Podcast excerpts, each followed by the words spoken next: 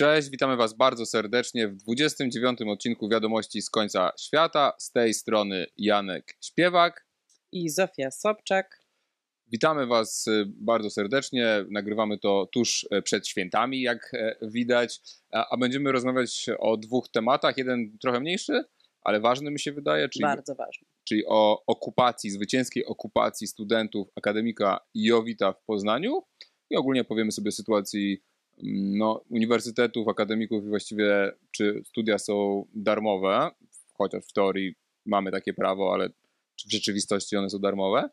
A w drugiej części, której będziemy się koncentrować na chłopomanii albo ludomanii, którą obserwujemy od y, no, prawie dekady, przyspiesza, przyspiesza, aż trafiła ta ludomania pod y, strzechy kin i em, domów. Domów e, i na kanały streamingowe. E, słuchajcie, no znów nie da się ukryć, że odcinek po odcinku będziemy opowiadali, e, odwoływali się też do serialu na popularnym kan- kanale streamingowym, ale nadal nie jest to żadna reklama ani żadna współpraca. Po prostu, no tak się składa, że ten kanał puszcza polskie dobre rzeczy. E, Bo, do, dobre, tak, dobre. Czy... Wspomnimy też o innych tekstach kultury, Tak. które też możecie sobie ewentualnie mm, kupić i też nie ma. Nie mamy z tego żadnej korzyści, poza tym, że Tak. może spojrzycie bardziej krytycznie na różne rzeczy. Więc y, ważne, żebyście pamiętali, że kiedy y, opowiadamy tutaj o tych różnych rzeczach, to, to robimy to po prostu dlatego, że to oglądamy i nas to zajmuje i mamy na temat tego refleksję, a nie, że są to jakiekolwiek współprace. Tak jest, więc krytyka popkultury absolutnie mieści się e, w naszej misji. To co? Zaczynamy. Tak?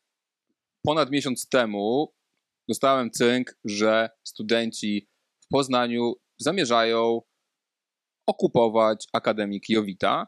Akademik Jowita to jest takie miejsce w samym centrum Poznania, dosłownie 7 minut y, na piechotę od dworca głównego. Budynek y, no, taki chyba zdaje się z PRL-u z lat 60. czy, czy z 70. Taki, ale całkiem ciekawa architektura, wyglądał z zewnątrz y, dość, y, dość ciekawie.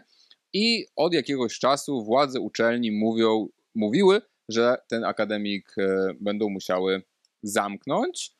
Właściwie to zrobiły te, te władze uczelni, on był, on był zamknięty już, e, już jakiś czas temu, ale że nie tylko będą musiały go zamknąć, ale też będą musiały go sprzedać, bo e, sytuacja finansowa uczelni jest oczywiście bardzo ciężka, no i za bardzo nie ma komu zrobić remontu tego akademika, ten akademik miał być w bardzo złym stanie technicznym, a jednocześnie władze uczelni Uniwersytetu Adama Mickiewicza, bo o tej uczelni mówimy, mu wiedziały, że zrealizowały, wybudowały y, akademik mm, gdzieś y, na kampusie, który mają, ja tak dobrze Poznania nie znam, więc darujcie mi za, za, za, za brak tutaj dokładnych współrzędnych geograficznych. W każdym razie zbudowali taki ośrodek uniwersytecki e, pod Poznaniem, jakiś, no pod Poznań to nie jest takie duże miasto, więc jak patrzyłem na mapę, to mi się wydawało, że to jest całkiem, nie jest tak daleko, ale może dlatego, że jestem Jak na prostu... standardy warszawskie. Tak, Warszawa- całkiem centrum. Warszawa jest strasznie rozwleczonym miastem i, i po prostu zajmuje ogromną powierzchnię, mimo że nie jest tak gęsto zamieszkała.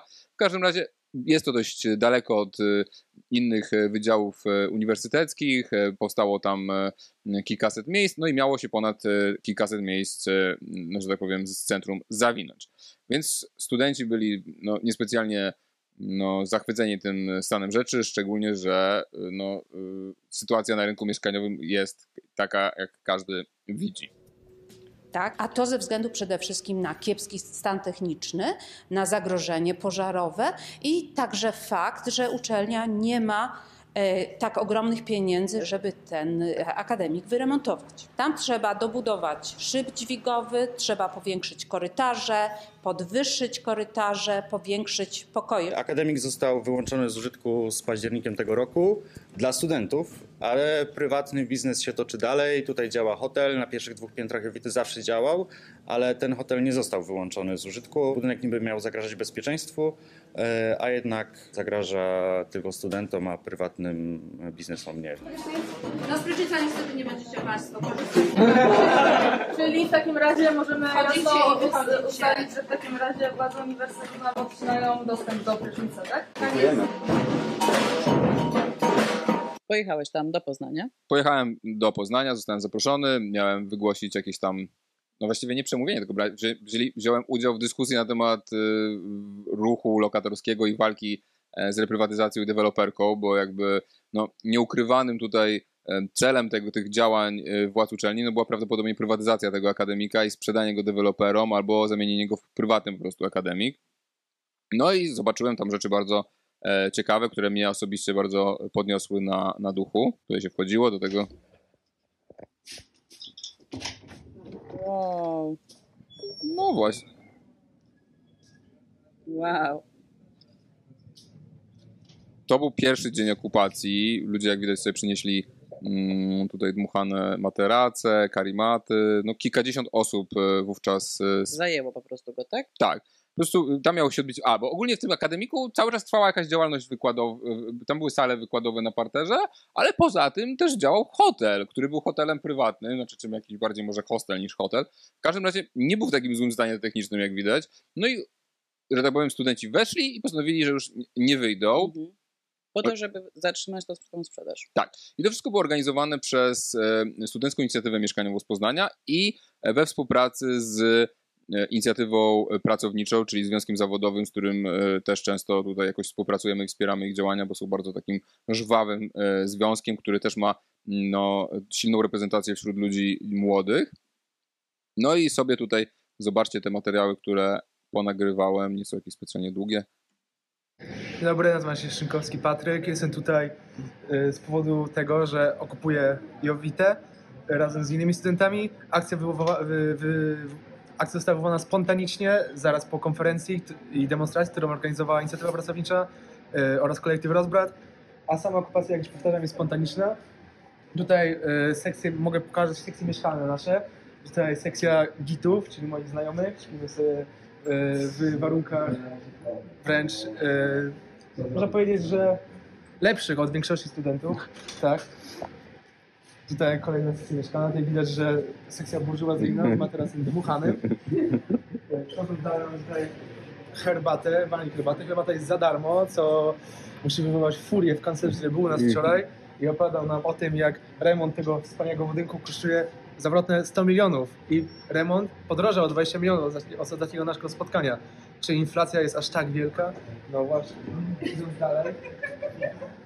Przechodzimy do e, punktu sanitarnego, gdzie możemy znaleźć e, różne rzeczy do pierwszej pomocy. Tutaj mamy jakieś podpaski tutaj e, do wycierania rąk, chusteczki i jakiś makaron. Ktoś przyniósł. Zjedzony. Idąc dalej, przechodzimy przez sekcję komputerową. Tutaj mamy sekcję gastronomiczną, gdzie wspaniali ludzie z rozbratu przywieźli nam e, gotowe już pasty, chleb, pomidory, ogórki i jeszcze więcej chleba. Więc Zapowiada się na długą okupację? zapowiada się. Mogę powiedzieć to pewną anegdotką z wczoraj, gdzie rozmawiałem właśnie z innym dziennikarzem, ktoś mnie zapytał, yy, jak długo będzie tutaj okupować to miejsce. Mówię, że no, mamy postulaty i dopóki te postulaty nie zostaną spełnione, to będziemy tutaj siedzieć, no to mówi samo przez siebie. A co jeśli te postulaty będą spełnione za tydzień? To będziemy siedzieć tydzień. A po 1 stycznia, jak już zamkną część hotelową i Jowita będzie zamknięta, no to będziemy siedzieć do 1 stycznia. A jak nigdy nie spełni tych postulatów, to wtedy Jowita wróci do stanu przed zamknięciem i stanie się na powrót akademikiem. No. To można więcej powiedzieć. Tylko musimy jeszcze klucze ogarnąć do pokoi, żeby nie musieć na podłodze spać. Wow, w ogóle serce rośnie. Tak, to jest nie takie no. wzruszające. To jest też dowód na to, że nieprawda, że młodzi ludzie się nie angażują politycznie, bo się angażują, tylko oni bardzo chcą może w te lipkowe tematy.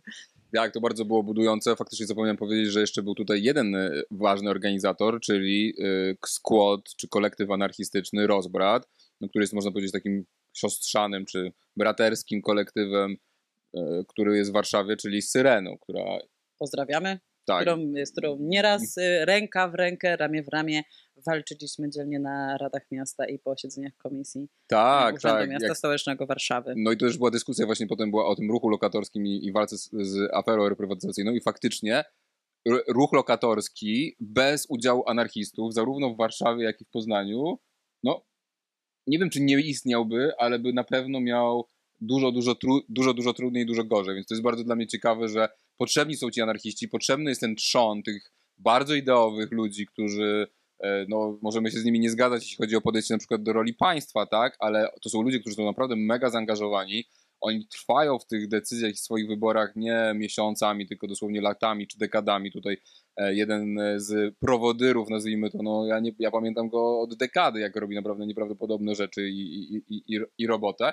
I oni byli takim e, kośćcem, można powiedzieć, tych e, działań, jeśli chodzi o walkę z aferą reprywatyzacyjną w Warszawie. I oni robili to dużo wcześniej niż zanim my się pojawiliśmy. Oczywiście. I też tak naprawdę oni robili to, no właśnie wcześniej, trochę potrzebowali potrzebowali, czy też po prostu przydało im się to, że, że my też po prostu mogliśmy to roz, rozreklamować, roz, rozpowszechnić medialnie. Po prostu e, chciałam powiedzieć, że oni robili wcześniej rzeczy i też jakby byli zaangażowani zawsze na przykład, nie wiem, w eksmisjach, że jakby oni są po prostu świetni jakby w takich akcjach, a potrzebowali trochę kogoś, czy też po prostu my im się nadaliśmy do tego, do tego żeby te akcje bardziej nagłośnić tak. medialnie i ściągnąć tam jakby szersze zainteresowanie po prostu opinii publicznej, no ale nie da się ukryć, tak? To są, jakby możecie sobie jeszcze sprawdzić nawet teraz, tak, że są jeszcze z lat właśnie 2010, 11, 12 E, też właśnie na początku jeszcze afery, kiedy my zaczynaliśmy działać, czyli 14-15, no bardzo dużo różnych akcji lokatorskich, e, bronienie po prostu zwykłych ludzi przed eksmisją, ale także bronienie właśnie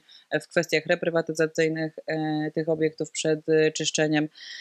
Także to jest ogromny szacunek dla tych ludzi i to trzeba przyznać, że to jest na przykład moim w tych ludziach dla mnie zawsze takie bardzo budujące, że to że to są ludzie, którym jak powiesz, żeby oni byli tam o 9.30 na Radzie Miasta, to jakby oni tam przyjdą. W sensie my też raczej tak robimy, tak, że się pojawiamy, chyba że mamy jakieś tam, nie bardzo chorzy, tak, ale ale, ale rzeczywiście, że to są ludzie, którzy potrzebują jakby sygnału i faktycznie są gotowi do działania takiego w rzeczywistości, realnego, tak? Są przeciwieństwem tego, co weźmie właśnie e, często na prawicy, czyli nakładania tylko nakładek profilowych i jakby gorące wyrazy poparcia w social mediach, tak? No to anarchiści są ludźmi, którzy robią coś zupełnie przewrotnego i to nie ma ich praktycznie w social mediach, często nie są aktywni w tym, e, nie są jakby właśnie tacy dobrzy, jeżeli chodzi może o PR, ale jeżeli chodzi o działanie w terenie, no to są super.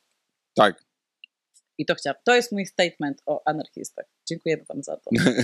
tak jest.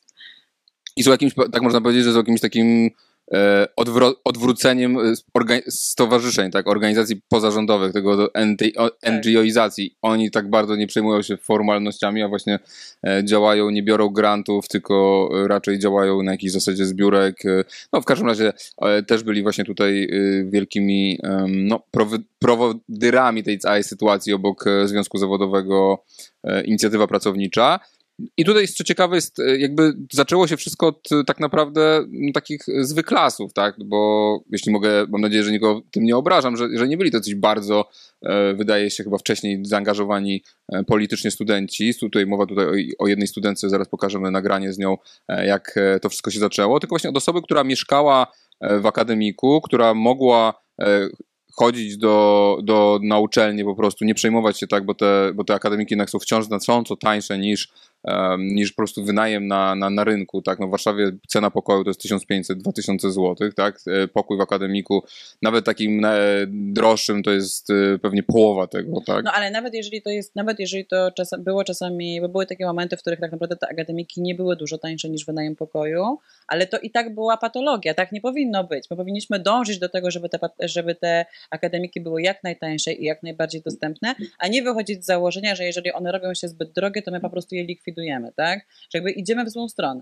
Idziemy bardzo w złą stronę i tutaj dan, garść danych. No, w Polsce studiuje około 1,2 miliona studentów i miejsc w akademikach, zależy od danych, jest między 80 a 100 tysięcy, tak? Czyli to znaczy, że e, między 5 a 8-9% studentów może liczyć w ogóle na miejsce w akademiku, co oznacza, że jesteś skazany na pracę w trakcie studiów albo na wsparcie od bogatych rodziców. I te darmowe studia okazuje się, że najczęściej są darmowe dla tych, którzy i tak są już w lepszej sytuacji, trochę takich mi, jak ja byłem, tak? Bo, bo są na przykład w dużych miastach. Bo tak, tak bo mają, bo tak żyją, bo żyją sobie z rodzicami, mają tak. mieszkanie w dużym mieście, no są, żyją te studia razem z nimi i tak naprawdę jak zarabiają coś, to raczej chodzi o to, żeby, nie wiem, pojechać na wycieczkę albo, nie wiem, kupić sobie nowego iPhone'a. No tak, albo mieć na imprezę a nie żeby po prostu utrzymać się na powierzchni, bo muszą yy, i, i zazwyczaj jak już muszą pracować, żeby zapłacić za mieszkanie, no to już raczej studia dzienne ciężej, tak, tak, tak, tak, a studia wieczorowe to trzeba płacić, a zaoczne to trzeba płacić, więc nagle się okazuje, że ci, którzy w teorii powinni być właśnie mieć więcej opieki ze strony państwa, bo właśnie startują z gorszego, mają gorszy start, bo nie wiem, mieszkają na wsi, bo mają gorszych, e, e, go, gorszy dostęp po prostu do, do, tych, do tych usług wszystkich transportowych, edukacyjnych, jak, jak nazwijmy to, to oni muszą podwójnie za to płacić. I tutaj ciekawa jest informacja też, którą przeczytaliśmy, że od 50 lat w Warszawie Uniwersytet Warszawski nie oddał żadnego akademika do użytku nowego. No i e, Kampus Polska przyszłości. nie no, to jest niesamowite, tak? Jakby i mój, Na pewno teraz to się zmieni, moi drodzy, na pewno teraz stołówki, wiesz, znaczy na przykład stołówki studenckie tanie, jakby tego też nie ma, nie? I też te e, hasła się e, pojawiały. Więc zobaczmy tutaj materiał właśnie z osobą, która była, no, mieszkała w Jowicie i musiała się z tej Jowity wynieść. Cześć, oczywiście nie mogło mnie zabraknąć tutaj. E, Dzieją się wspaniałe rzeczy. Studenci walczą o swoje prawa. Jest ze mną Paula. Tak, e, cześć wszystkim. E, I teraz opowiem Wam coś o sobie, co w ogóle tutaj robimy, jak działamy. Generalnie jestem, byłam mieszkanką Jowity, mieszkałam tutaj przez dwa lata. W tym roku niestety musiałam się wyprowadzić. A musiałaś się wyprowadzić, bo się zaczął remont? E, Nie, nie, nie, nie, nie. Niestety nie. E, Władze naszego uniwersytetu nas poinformowały, że akademik pójdzie na sprzedaż, e, że nie spełniamy wymogów, warunków, że budynek się nie nadaje w ogóle do tego, żebyśmy mogli tutaj mieszkać. No i że możemy tutaj zostać do końca września, musimy się wyprowadzić po tym czasie. E, No i teraz generalnie my się o tym dowiedzieliśmy e, z takich plotek. To na początku krążyło tak gdzieś, można było słyszeć o tym, że są plany, żeby zamknąć. E, No my jako tutaj społeczność, jako mieszkańcy się zainteresowaliśmy tematem. Potwierdziliśmy te informacje u samej góry, czyli u władz uniwersyteckich. Powiedzieli nam, że zamykamy, więc postanowiliśmy napisać petycję. Razem z moją współlokatorką chodziłyśmy od pokoju do pokoju, tak tradycyjnie e, i zbierałyśmy podpisy. Wszyscy studenci, których nam się udało złapać, podpisali się pod tą petycją. Ogólnie jeśli chodzi o nastroje, jakie panowały w tamtym czasie, to było naprawdę bardzo ciężko. Tutaj mieszkaliśmy wszyscy przez wiele lat, każdy się doskonale znał. E, Dużo osób się w ogóle bało tak naprawdę o swoją przyszłość, e, bo było to miejsce, które było nie dość, że w centrum, to było tutaj naprawdę stosunkowo tanio, bo miejsce za pokój kosztowało tam około 500-600 zł. 650 chyba był najdroższy. E, Więc e, wiele osób tak naprawdę jak się dowiadywało o tym, że będzie sprzedaż, że będzie zamknięcie, nawet płakało. Sytuacja była naprawdę bardzo przykra. E, Wielu z pracowników też jakby było im naprawdę przykro, że, że muszą też się stąd wynieść, że tak powiem. No jakby nie dość, że, że dla wielu z nich się to mogło wiązać z utratą pracy albo z przeniesieniem, no to, to mieliśmy tutaj pracowników, którzy pracowali tutaj po 20-40 lat, więc oni też byli bardzo zżyci z tym miejscem. No i później, gdy dostaliśmy odpowiedź na, na petycję, że no niestety nie mogą e, spełnić naszych oczekiwań, Niestety muszą sprzedać e, deweloperom niestety nie. Akademii, nie ma, nie ma wyjścia. Niestety ktoś musi zarobić. E, odezwało się do nas szersze grono studentów. E, sprawa się bardzo mocno nagłośniła. Zaczęliśmy działać wszyscy razem. E, jako, jako po prostu studenci, jako społeczność uniwersytecka, która chciała wesprzeć mieszkańców. Chcieliśmy zadbać o to, żebyśmy jednak tych miejsc mieli więcej, żebyśmy mogli tutaj zostać i mieszkać. No i tak rzeczywiście było, bo studenci, to był sobotę to nagrywałem, to był pierwszy dzień okupacji czy drugi, zależy jak liczyć, e, niedziela, poniedziałek, wtorek i wy chyba w okolicach e, środy zadziało się coś. e, A, jeszcze w międzyczasie oczywiście trwały rozmowy z władzami uczelni, rektor, kanclerz mówiąca, że nie ma pieniędzy, że to są ogromne koszty. Tutaj był ten wątek właśnie, że to remont będzie kosztować 100 milionów złotych. Ja nie jestem w stanie z tego zweryfikować, może tak. No, w każdym razie no, y, jest to na pewno duży wydatek i w międzyczasie y, zmienia się władza w Polsce i musimy Tak. pochwalić naszą nową władzę Tak. wyjątkowo i też musimy pochwalić lewicę. Otóż y, nowy minister, pan Dariusz Wieczorek, Dokładnie. który nie miał chyba najlepszego startu, jeśli chodzi o em, swoje e, urzędowanie, bo zaczął takiego wywiadu z Robertem Mazurkiem, gdzie go Robert Mazurek zapytał, czy on jest za e, podatkiem katastralnym tam od drugiego, trzeciego mieszkania. On powiedział, że nie, a potem Mazurek go zapytał, e, a to dlatego, że ma pan e, dwa domy i cztery mieszkania? I on powiedział tak. No, to przynajmniej prawdę powiedział. Trzeba, trzeba powiedzieć, że przyna... trzeba... trzeba przyznać, że jest to rzeczywiście przynajmniej człowiek, który po prostu wprost powiedział, jak się sprawy mają. Tak, Nie czarował tak. się, tylko po prostu... No więc y, to było, że tak powiem, y, no takie przyznanie się do, po marksistowsku do y, swojego interesu klasowego, jaki ma pan Dariusz Wieczorek, że on ma interes, żeby po prostu nie było podatków dla rentierów. No szkoda, że reszta Polaków y, nie rozumie swoich interesów klasowych, no ale zostawmy to. W każdym razie, no, nowy rząd mieliśmy chyba w poniedziałek, tak? Tak, dokładnie. No i ten nowy rząd właśnie zaprzysięgł pana Wieczorka na, mm, na ministra. Zresztą gdzieś widziałam taki, taki właśnie komentarz, że Dariusz Wieczorek był takim ministrem, o którym zapomniał w ogóle wymienić go Donald Tusk, kiedy wymieniał e, A, tak, innych tak. ministrów. Więc jakby no trzeba przyznać, że od razu mu taką rolę przydzielono może też e, właśnie jakoś takiej osoby, która miała być w cieniu, no a on postanowił wykorzystać tę sytuację, zresztą bardzo Tak. mądrze. I dzisiaj na sali zobaczyłem e, setki młodych ludzi i tak sobie pomyślałem, no przecież oni rzeczywiście muszą być w Polsce, muszą zostać w Polsce, oni muszą się tutaj dobrze czuć, oni muszą mieć miejsce, gdzie będą studiować, e, gdzie e, będą e, mieszkać, wypoczywać. I nie ukrywam, że mogłem to powiedzieć, co powiedziałem i chcę to powtórzyć.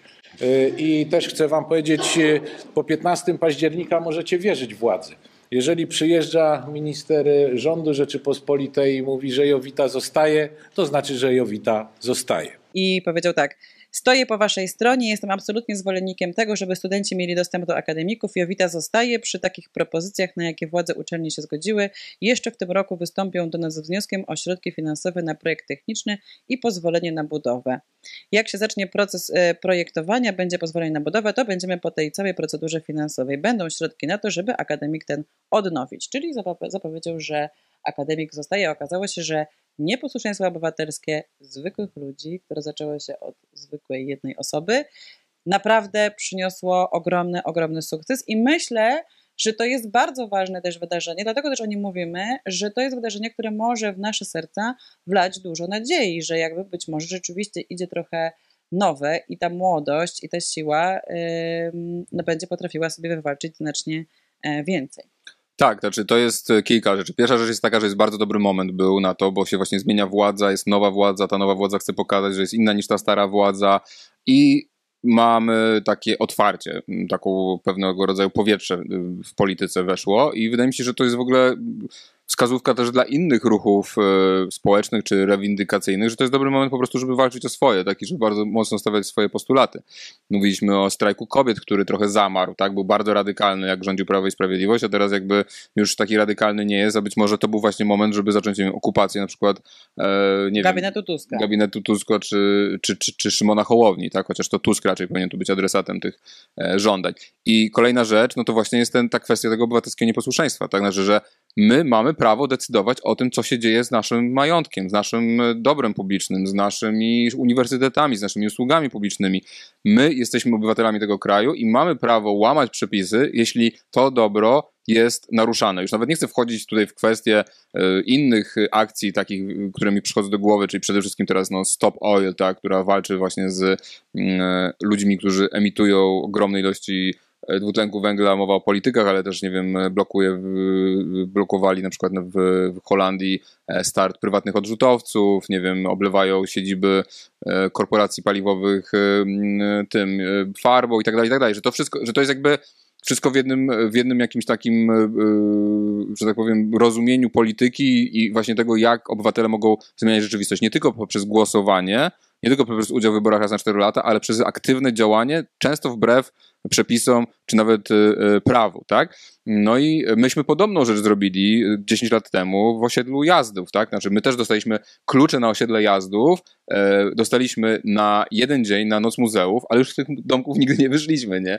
I to jest, y, zresztą teraz właśnie dosłownie parę, e, parę dni temu było właśnie świętowanie dekady działania e, Otwartego Jazdowa, czyli tej inicjatywy, która wtedy się zawiązała. Janek mówi my, ale ja nie brałam w tym udziału. to znaczy ja jeszcze wtedy nie dołączyłem do, działa, do, do, do, do działania społecznego. E, Natomiast, y, no tak, no to, był, e, to, był rzeczywi- to była rzeczywiście taka sytuacja, w której to nieposłuszeństwo obywatelskie zamieniło się w coś naprawdę super. Osiedle jazdów to, jest podobna akcja, tak? Bo te pustostany, y, które no, pojawiły się na osiedlu jazdów, były efektem tego, że po prostu wyrzucano tam ludzi z domu, tych domków y, drewnianych, które były wybudowane tuż po wojnie właśnie dla odbudowywaczy Warszawy. No i e, chciano je wyburzyć, tak? Chciano zbudować tam jakąś deweloperkę, więc to był ten sam mechanizm, tak? Było dobro publiczne, opróżnione, zdewastowane, zniszczone przez brak nakładów, pozbywamy się tego, tak? I tutaj był ten sam miał być mechanizm i to się, my się po prostu na to nie zgodziliśmy, tak? Bo co po prostu, no, co, jak może jak można walczyć z interesem, tak? Znaczy ten, ta działka na Jowicie pewnie jest warta jakieś gigantyczne pieniądze, tak? Można postawić wieżowy w całym centrum e, Poznania, wiadomo jakie są ceny gruntów. Jak, jak ludzie mają walczyć z korupcją, e, mafią deweloperską, układami, wszyscy wiemy jak to wszystko wygląda, nie? Jakby, jakie, jakie są narzędzia ku temu, jeśli u władzy są partie, wszystkie są partie są prodeweloperskie tak naprawdę, tak? Masz mniej lub bardziej prodeweloperskie partie, tak? Jakby nie, nie ma znaczenia kto rządzi, tak na koniec e, robią dobrze deweloperom, więc ten, ten, ten, ten obywatelskie nieposłuszeństwo jest, e, jest bardzo skutecznym narzędziem i, i, i wydaje się, że, no, że właśnie this is the way. No. Zachęcamy do tego, żeby y, działać dokładnie w taki sposób e, w sytuacjach, które są dla Was e, ważne.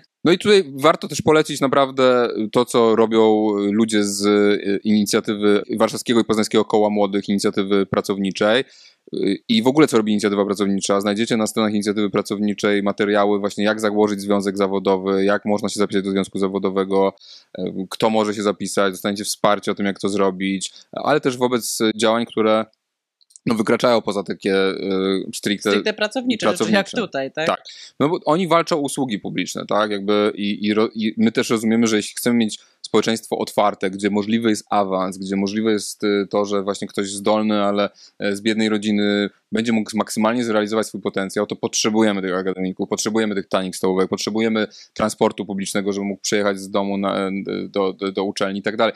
Bez tego wszystkiego mamy totalną prywatyzację i to natychmiast wywalenie w kosmos tych różnic y, klasowych i, i które, które stają się coraz, coraz większe. Tak? I widzimy to i badania pokazują, że w Polsce nierówności majątkowe, dochodowe są jedne z największych w Europie, a prywatyzacja właśnie zasobu publicznego i usług publicznych jest na głównym narzędziem tak naprawdę niszczenia, e, niszczenia tej e, szansy na awans i niszczenia też tak naprawdę klasy średniej, tak? bo na koniec dnia będzie po prostu będzie bardzo dużo biednych ludzi, malutka, wąska klasa średnia i gdzieś tam na górze ci, ci, ci bogaci. I e, jeżeli chodzi o akademiki, to jeszcze warto powiedzieć, że jest to nasz wspólny interes wszystkich ludzi, nie tylko studentów, żeby tych akademików było jak najwięcej. Bo ja dobrze pamiętam czasy, w których w ogłoszeniach mówiono, że nie chcemy studentów w naszych, e, w naszych mieszkaniach, tak, że to jest mieszkanie nie dla studentów na przykład.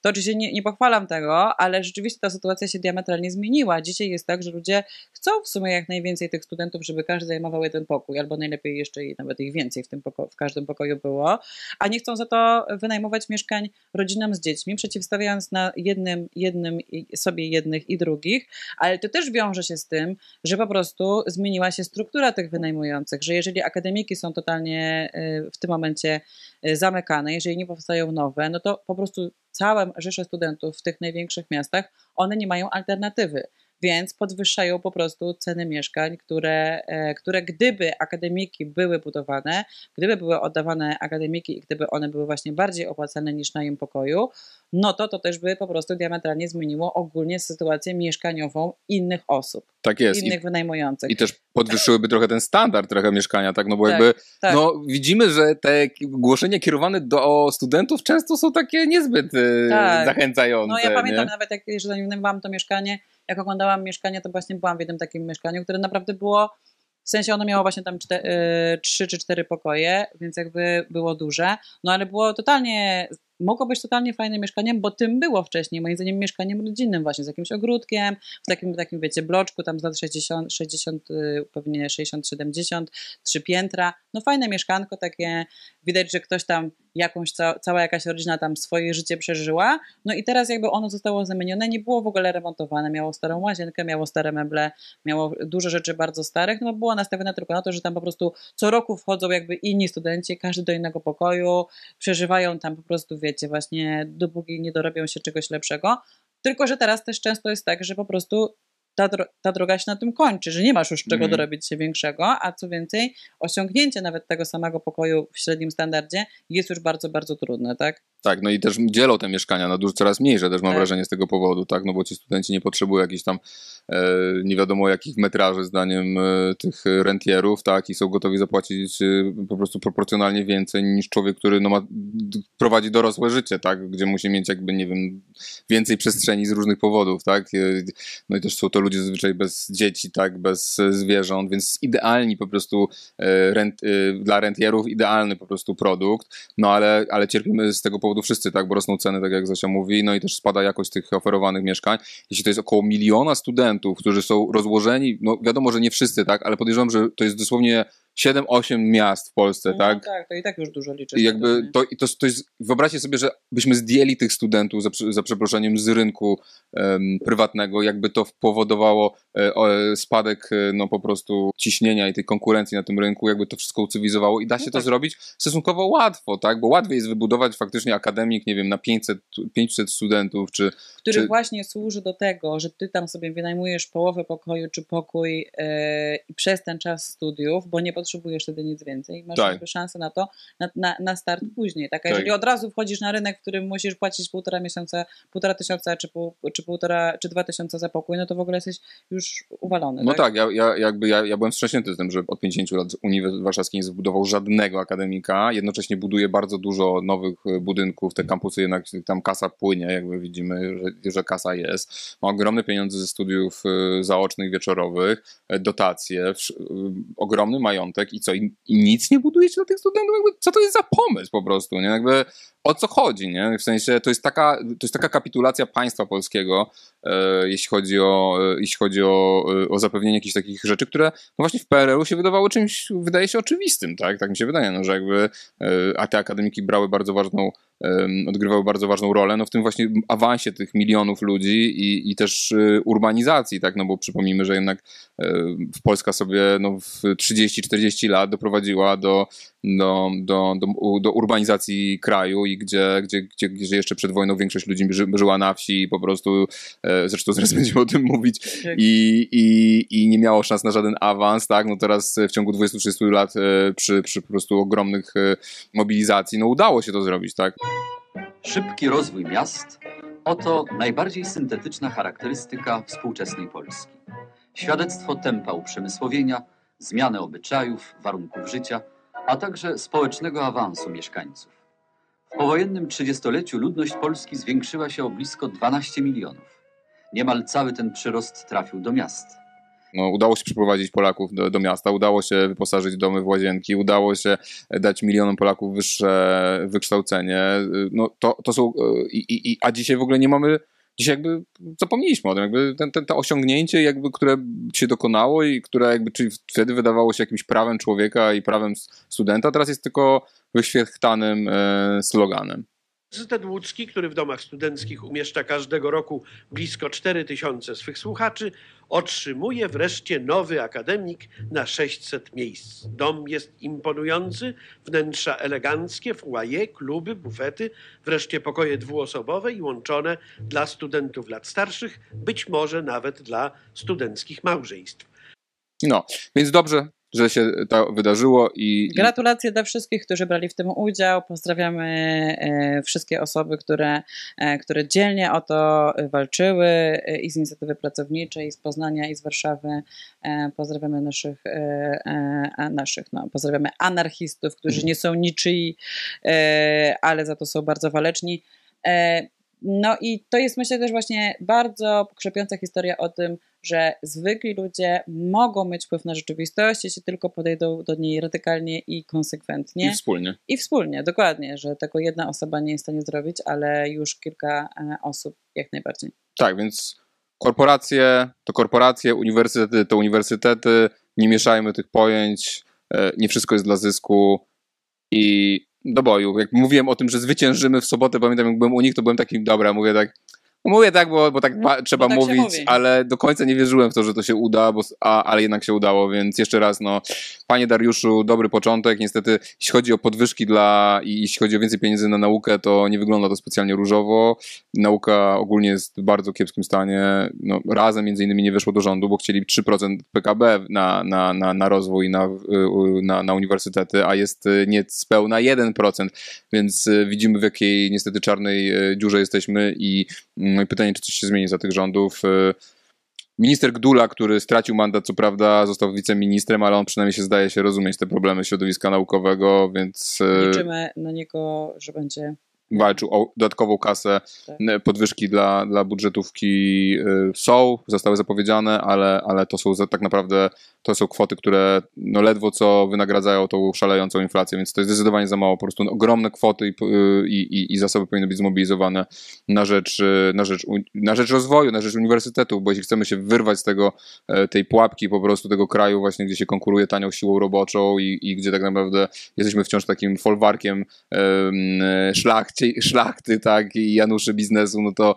to musimy po prostu inwestować w technologię, musimy in- inwestować w innowacje i w, i w tych ludzi, którzy, którzy są w Polsce z ogromne mają talenty, ale często nie mogą ich realizować, bo po prostu urodzili się w nie takich rodzinach, Tak, ja jak mam trzeba. wrażenie, że właśnie ta historia uniwersytetów i tej prywatyzacji uniwersytetów to jest właśnie też taki cios jakby w, ten, e, w taką rzecz, którą my w Polsce jednak mocno wi- wierzymy, czyli w taki trochę właśnie ten amerykański sen, że możesz naprawdę być człowiekiem, który jest e, z prowincji, który wychodzi z zupełnie jakby e, środowiska jakby, nie wiem, no e, właśnie czy, czy wiejskiego, czy z małego miasta i tak dalej i dzięki właśnie tej e, akademii, tym uniwersytetom, które są, które do tej pory były są darmowe, tak, nie były jeszcze tak bardzo sprywatyzowane te wszystkie kwestie dookoła nich, że jakby to była szansa na to, żeby będąc pilnym, będąc, y, uczy, ucząc się dużo, dokonać pewnego awansu społecznego. I ta sytuacja poprzez prywatyzację właśnie mieszkalnictwa, poprzez prywatyzację usług publicznych jest zamykana, tak? Okazuje się, że, ten, e, że ta historia, że możesz stać się od zera do bohatera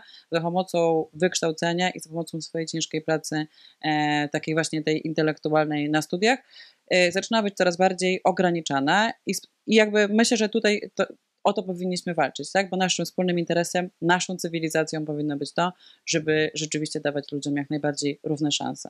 Tak, a równe szanse to nie jest tylko powiedzenie, dobra, macie za darmo uniwersytet, tylko Tak. właśnie wspomaganie No tych, którzy mają gorzej na samym starcie. Da, Tak. Im trzeba trochę więcej pomóc niż tym. Darmowy uniwersytet nie może sprowadzać cię do tego, że możesz za darmo przyjść na wykłady. Tak. Nie może. Jakby rozumieliśmy to właśnie jeszcze 50 lat temu, kiedy oddawano ostatnie Tak. akademiki. Tak. Amen. To co, przechodzimy do drugiego tematu. Przechodzimy do drugiego tematu. E, Przechodzimy do tematu chłopomanii, e, czyli fascynacji tematem chłopskim, który to ze swoją wie, wielką, wielką kulminację przez Twitter, internet przetacza się wielka dyskusja o tym, czy serial 1670 jest śmieszny, czy nie jest śmieszny, czy można się z niego śmiać, czy nie można się z niego śmiać, czy to jest y, wstrętne, żeby się śmiać z takich głupich żartów, czy może jednak możemy się śmiać z głupich żartów, jeśli mam na to ochotę. Drodzy, zapraszamy do dyskusji w komentarzach, czy uważacie, że serial ten był śmieszny, ale my zapraszamy Was także na e, troszeczkę poważniejszą dyskusję o tym, co z tego se serialu wynika. Znaczy, ja szczerze mówiąc nie rozumiem do, do końca dyskusji o tym, czy on był śmieszny, czy nie, bo jakby to, co ci śmieszy ogólnie, to jest taka, no... No to jest gust jakby, tak? Pewnych, że ludzie, taki cringe'owy trochę humor, bo to jest serial, który no, nawiązuje do, do, do The Office, tak? Właśnie takiej trochę cringe'owości, przełamania tego schematu, e, no, że zwracasz, zwraca się, zwracają się bohaterowie bezpośrednio do widza. E, to jest taki trochę klimat właśnie, chyba to się nazywa mock, mockumentary, No tak? to jest w ogóle, rozumiem, że wprost y, stylizowane trochę na The Office, akurat którego ja oglądałam tylko polskie The Office, y, te dwa sezony, Mhm. a zagranicznego nie za bardzo, więc, ale tak mi się wydaje, tak, że, No, że to jest ten, sam, ten sam scenarzysta wręcz jest, jeśli chodzi o, bo to jest mm, e, Jakub Różyło, który, który napisał właśnie, przy, czy współ, współpisał e, The Office i e, teraz właśnie się zabrał za to, więc to nie jest przypadek, że nam się to wydaje podobne. Moim zdaniem to jest zabawne. Znaczy, ja No nie wiem, ja się śmiałam. Ja no. też. ja też się śmiałam. Dlatego staram się cieszyć tym, co mam. Bo w końcu gdzieś tam na świecie dzieci głodują. O, na przykład tutaj. Dzieci chłopów. Biedne, głodne dzieciaczki. A właśnie. obiad. Myślę, że oczywiście są tam takie żarty, na przykład, nie wiem, no, że oni po prostu pięć razy powtarzają, że o tym Janie Pawle na przykład, tak, że po prostu tam co drugi odcinek jest o tym Janie, o, nie, o tym Janie Pawle, no to trochę było takie, no dobra, już zrozumieliśmy ten żart, jakby fajnie, on był śmieszny, jest nadal śmieszny, ale już nie, może niekoniecznie musimy go cały czas przypominać. Nazywam się Jan Paweł Adamczewski, a moją życiową ambicją jest zostać najsłynniejszym Janem Pawłem w historii Polski.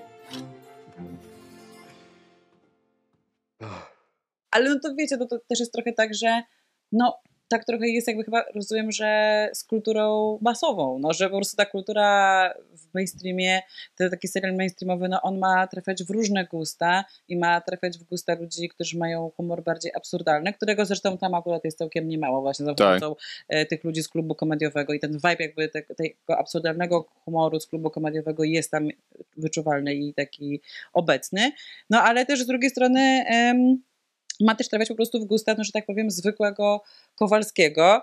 E, I wydaje mi się, że popularność tego serialu, wydaje mi się, że to, że właśnie tak wiele osób się odnosi do tego, czy ten serial jest śmieszny, czy nie jest śmieszny, i że ogólnie chce się wypowiedzieć na jego temat, dowodzi, że no cóż, no udał się ten sukces. No, udał się sukces tego, że naprawdę wszyscy to oglądają, wszyscy o tym mówią. Tak? Przynajmniej e, my, milenialsi, bo jest wiadomo, to jest e, dość mocno, e, wydaje mi się, pokoleniowe, że 20- i 30-latkowie głównie oglądają Netflixa po prostu, tak, że to tak. są ludzie, to jest pewnie też e, grupa odbiorców, która do niego e, trafia, do, e, te produkcje trafiają, tak, więc to są, tam są te kody milenialsów, są te memy, z których my się śmialiśmy 5 lat temu, są te wszystkie rzeczy, nawet są obrazki, tak, nawet to intro, jak oglądasz to intro, to myślisz sobie, kurczę, tam są przecież to jest średniowieczne rysunki chyba bardziej niż grafiki, barokowe, tak, tak, tak, ale to są grafiki, które myśmy widzieli wszyscy gdzieś tak. tam na zasadzie jakichś memów e, przez te wszystkie lata. Szlachta nie pracuje, to, to też był przecież wątek ogromny tak, i tak dalej.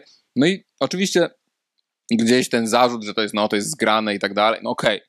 Jakby można powiedzieć, że ten serial pewnie by większą był e, robotę by zrobił, gdyby był, nie wiem, 5 lat temu czy 8 lat temu by wyszedł, tak, może byłby wtedy świeższy, ale no to też jest, pokazuje pewien cykl kulturalny, o którym zaraz będziemy mówić, tak, że jakby pojawia się jakiś temat w kulturze, jakiś prąd w kulturze, no i to trwa bardzo dużo czasu, zanim to się przerodzi z książek, artykułów prasowych, aż to trafi jako e, do, do, do dużo bardziej e, wymagających, że tak powiem, platform, tak, czy narzędzi, jakim są właśnie, nie wiem, kino, seria i tak dalej, no bo to wymaga... Mainstream po prostu, No tak? właśnie, mainstream, znaczy, że to musi stać się mainstreamowe, żeby to mogło zostać zamienione w, w kino czy w serial, no i y, gdzieś tam chcemy opowiedzieć wam tą historię właśnie jak się zaczęło. Pomysłodawca i scenarzysta tego serialu powołuje się na y, książkę Jana Sowy, która została wydana 10 lat temu i to jest książka, o, która próbuje na nowo napisać historię Polski. Tak? I to jest w ogóle ciekawe, że za historię Polski, za opowiedzenie tej relacji między chłopami a szlachtą, tą tra całą dramatyczną historię,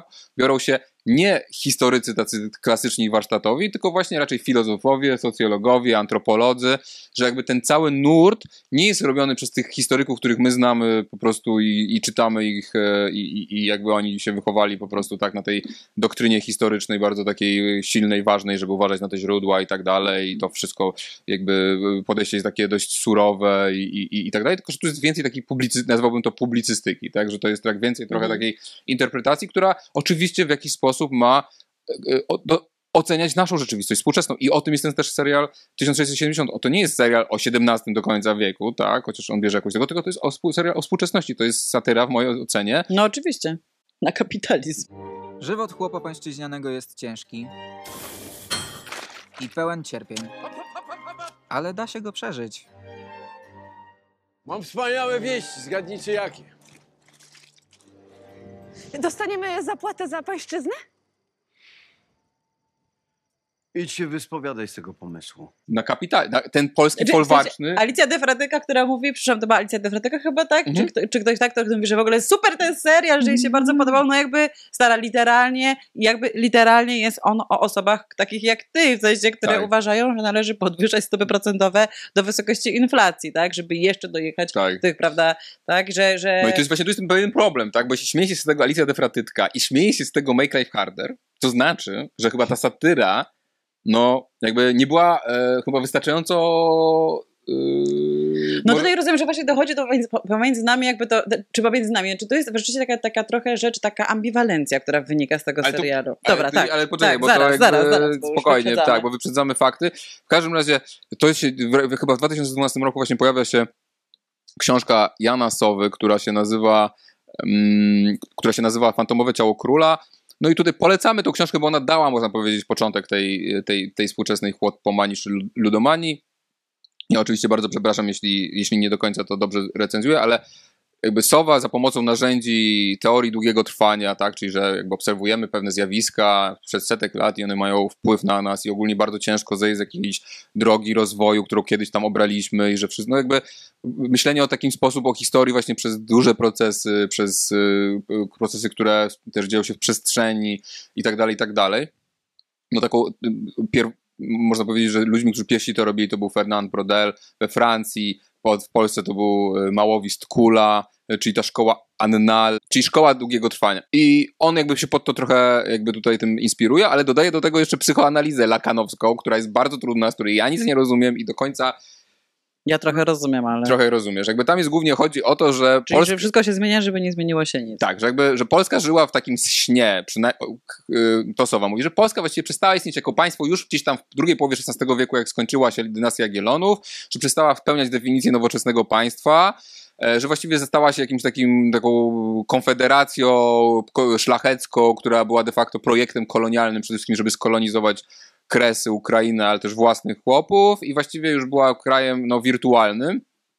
I, e, I tak naprawdę sarmatyzm był pewnego rodzaju no, takim opium, ideologią, która miała nas jakby wyrywać e, z tego stanu rzeczywistości. Tak? I to realne, które jest, rozumiem, kategorią lakanowską, no to właśnie były te momenty, kiedy Polska mogła się przekonać, że faktycznie nie istniała jako państwo i to były, nie wiem, no on to chyba podaje przykład, jeśli dobrze pamiętam, e, no, e, potopu, e, czy, czy, czy właśnie rozbioru, że to był taki silny moment, kiedy Polacy musieli się zderzyć z tym, że faktycznie coś chyba jest nie halo. Sowa opisuje właśnie z perspektywy tego długiego trwania, tego lakana i właśnie tych procesów gospodarczych, re, refeudalizację Polski, e, e, pewnego rodzaju no, przesunięcie się Polski wstecz, tak, gdzie, gdzie, gdzie, do XV-XVI wieku byliśmy w miarę nowoczesnym krajem, który był właściwie takim krajem jak na zachodzie, bardzo podobna była ta, ta, ta monarchia, e, gdzie, gdzie były te stany, tak, był, był No tak, król. wiele rzeczy na bardzo wysokim poziomie. No, tak? kurczę, no na przykład z mojej, z, mojej, z mojej działki, no to jeżeli chodzi o sztukę, na przykład, no to jak właśnie w 15, 16, 16 no, w 15,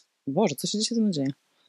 W XV-XVI wieku, no to, to rzeczywiście było tak, że my mieliśmy naprawdę artystów z, z wysokiej półki, tak? Mieliśmy dzieła sztuki tworzone przez ludzi sprowadzonych z różnych e, zachodnich krajów, którzy nie byli jakimiś tam pośrednimi, e, prawda, artystami, którzy w Polsce zrobili wielką karierę, tylko rzeczywiście byli wielkimi artystami, którzy w Polsce robili wielką karierę, No. tak? Więc e, no rzeczywiście byliśmy, złoty wiek, mówi się, No, tak? tak, i właśnie bardziej ten XV nawet niż XVI Tak, wiek, tak. że właśnie wtedy działalność uniwersytetów, no myśmy mieli na przykład ogromny wkład w rozwój prawa międzynarodowego, był taki facet Paweł Złotkowic, tak, no jakby, który tam walczył o, o prawa człowieka, właściwie wymyślił prawa człowieka, zresztą to, to, było, to służyło w naszym, naszemu sporowi z, z krzyżakami, tak, bo chodziło o to, żeby uzasadnić e, prawa innowierców do tego, że mają prawo do życia.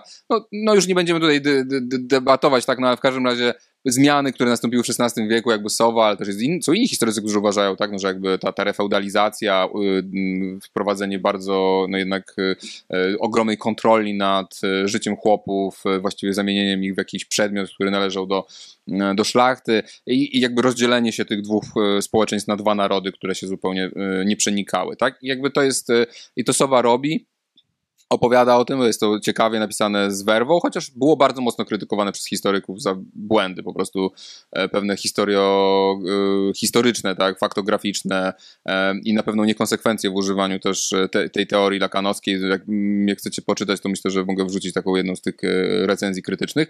No ale ta, ta, pamiętam, jak czytałem tą książkę Sowy i byłem po prostu, o, wreszcie ktoś to pisze, nie? Wre- Wreszcie ktoś pisze to, co ja czuję, także że de facto żyjemy w jakimś folwarcznym ścieku. To był rok 2013 chyba, ja zaczynałem wtedy doktorat, jeszcze miałem inny temat niż potem miałem i no i myślałem sobie, kurczę, no to jest historia, którą trzeba opowiadać, tak? Znaczy, że jakby, jak ludzie mogą tego nie widzieć, nie? I szczególnie, że ja byłem wychowany na jakiś način, no, ja- na ogniem i mieczem, tak? Jeszcze wtedy była wielka produkcja, tak, w 98 chyba roku, tak, e, jedna z takich ostatnich wielkich, ogromnych produkcji filmowych, które się naprawdę nam udały, które budowały ten romantyczny wizję, że Polska to była w ogóle przedmurzem Europy i że w sumie to myśmy e, tylko po prostu zostali zdradzeni o świcie i, i właściwie to wszystko była wina naszych stu- sąsiadów, a nie nasza własna.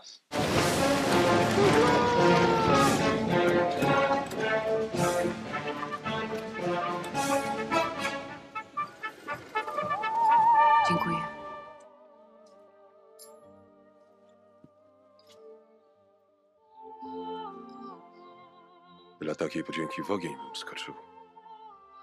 W ogień? Jeszcze wczoraj bym nie wierzył. To jakże ja dziś wierzyć mogę.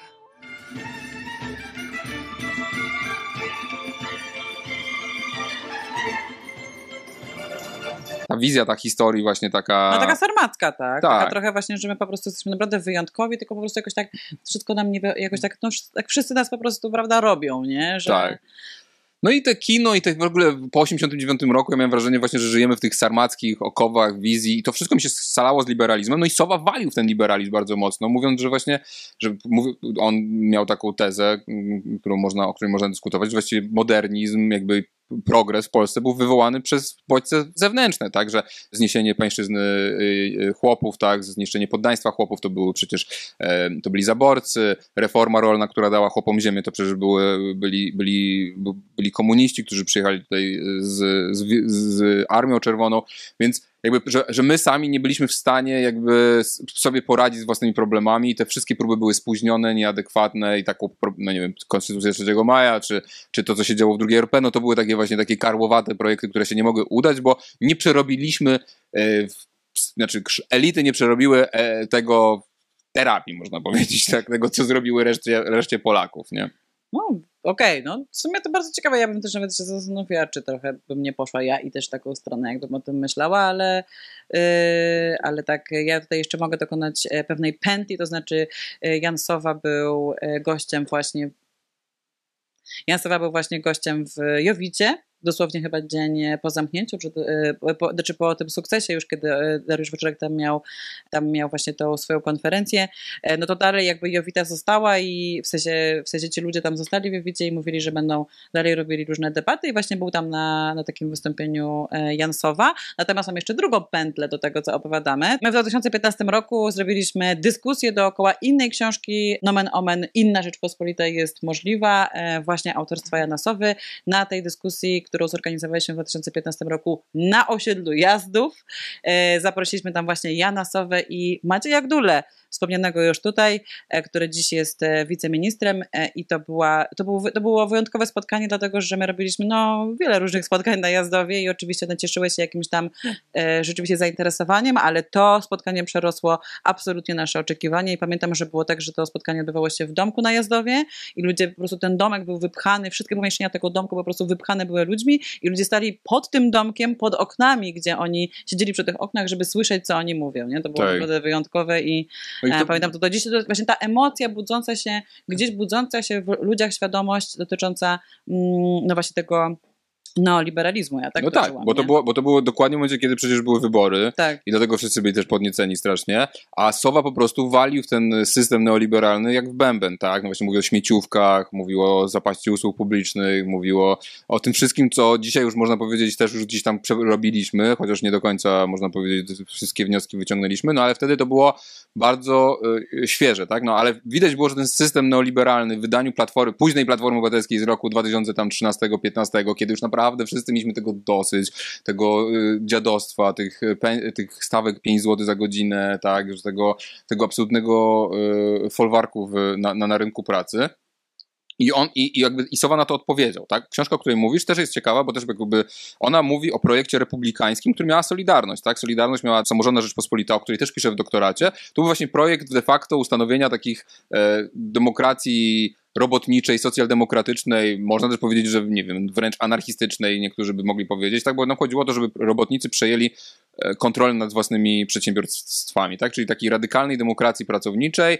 E, Te przedsiębiorstwa miały e, konkurować ze sobą na rynku, ale miały należeć do pracowników. Majątek był, miał być wciąż należeć do narodu, ale robotnicy mogli decydować, kto był szefem, jak zyski wydawać i tak dalej, itp. itd. Nie? I jakby, czyli takiej idei właśnie bardzo zdemokratyzowanej gospodarki i tak rozumianej demokracji, że my tu wszyscy razem wspólnie działamy, ale właśnie, że ta y, demokracja musi polegać na e, zdemokratyzowaniu przede wszystkim e, stosunków panujących w przedsiębiorstwach. No wiadomo, że ona była robiona w, w realiach y, socja- socjalizmu realnego czy komunizmu, jak to zwiemy, tak? Więc trochę to była inna sytuacja, ale to była ta propozycja, nie? I taką propozycję też Sowa gdzieś tam próbował zapropono- zaproponować y, y, wówczas. Następna książka się pojawiła z tego nurtu, to była książka Ledera, Andrzeja Ledera, Prześniona rewolucja i ona też korzystała z Lakana i ona też mówiła podobną rzecz, że Polacy no, prześnili trochę to, co się wydarzyło w XX wieku, szczególnie jeśli chodzi o e, Holokaust, o, za, o wy, wymordowanie polskich Żydów, jak i zniszczenie e, ziemiaństwa, tak? Czyli jakby te rzeczy, które były no, takimi no, ogromnymi przemianami, y, które miały miejsce na, w Polsce, były, odbyły się trochę właśnie na zasadzie takiej trochę półświadomej przez Polaków, chociaż Polacy oczywiście no gdzieś tam z tego można powiedzieć, no w dużej mierze też, jak mówi, jak mówi Ma Leder, na nich to wpływ. miało na nich wpływ i czerpali z tego e, też, e, też, też profity, tak? I tam też jest bardzo ostro zarysowana wizja, że chłopi to i chłopi to w ogóle są, e, byli no bardzo, bardzo źle traktowani, że byli to wręcz niewolnicy. A, bo jeszcze coś ważne, że Sowa jakby i też Leder używa teorii, kolonialnej w tym wszystkim, tak? Że właściwie używa teorii, która do tej pory była używana raczej w stosunku do krajów typu Wielka Brytania, Francja, że my też byliśmy, taką, też byliśmy takim krajem kolonialnym i że te no i tutaj się pojawiają pewne e, lampki, tak? No bo czy na pewno można to samo mówić, czy na pewno e, e, Polska to była kraj, jak nie wiem, jak Wielka Brytania, która miała swoje kolonie, nie wiem, w Afryce i na całym świecie, tylko myśmy mieli swoje kolonie w, Ukrainie. Czy to są te same relacje?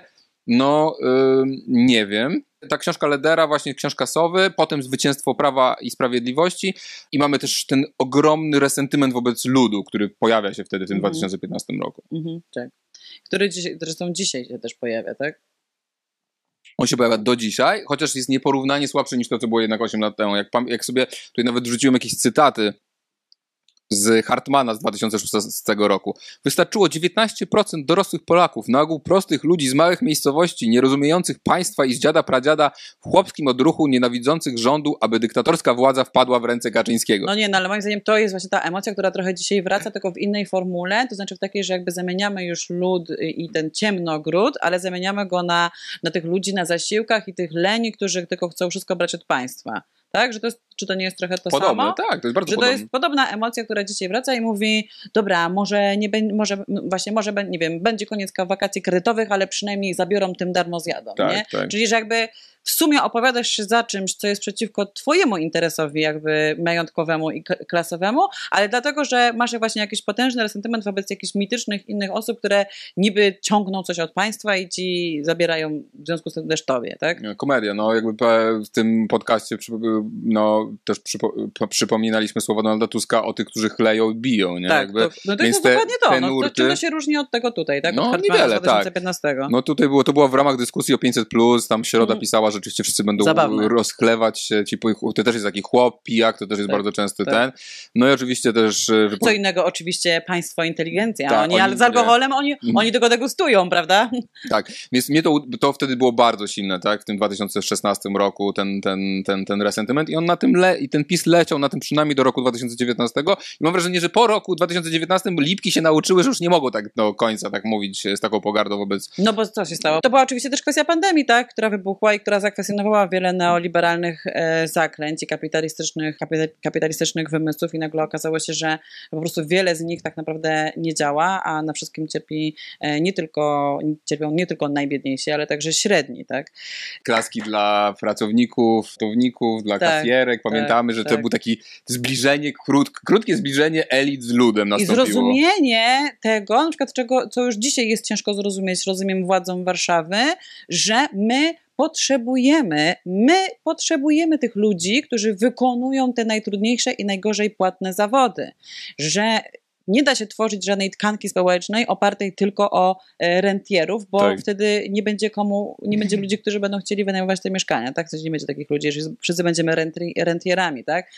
Dzisiaj e, już widzę, że znowu odlatujemy od tego, bo wtedy rozumieliśmy, że gdybyśmy mieli społeczeństwo złożone z samych programistów, to prawdopodobnie w pandemii byłoby łatwiej, bo mogliby wszyscy siedzieć na home office i nic by się nie działo, ale mielibyśmy śmieci na ulicach, tak?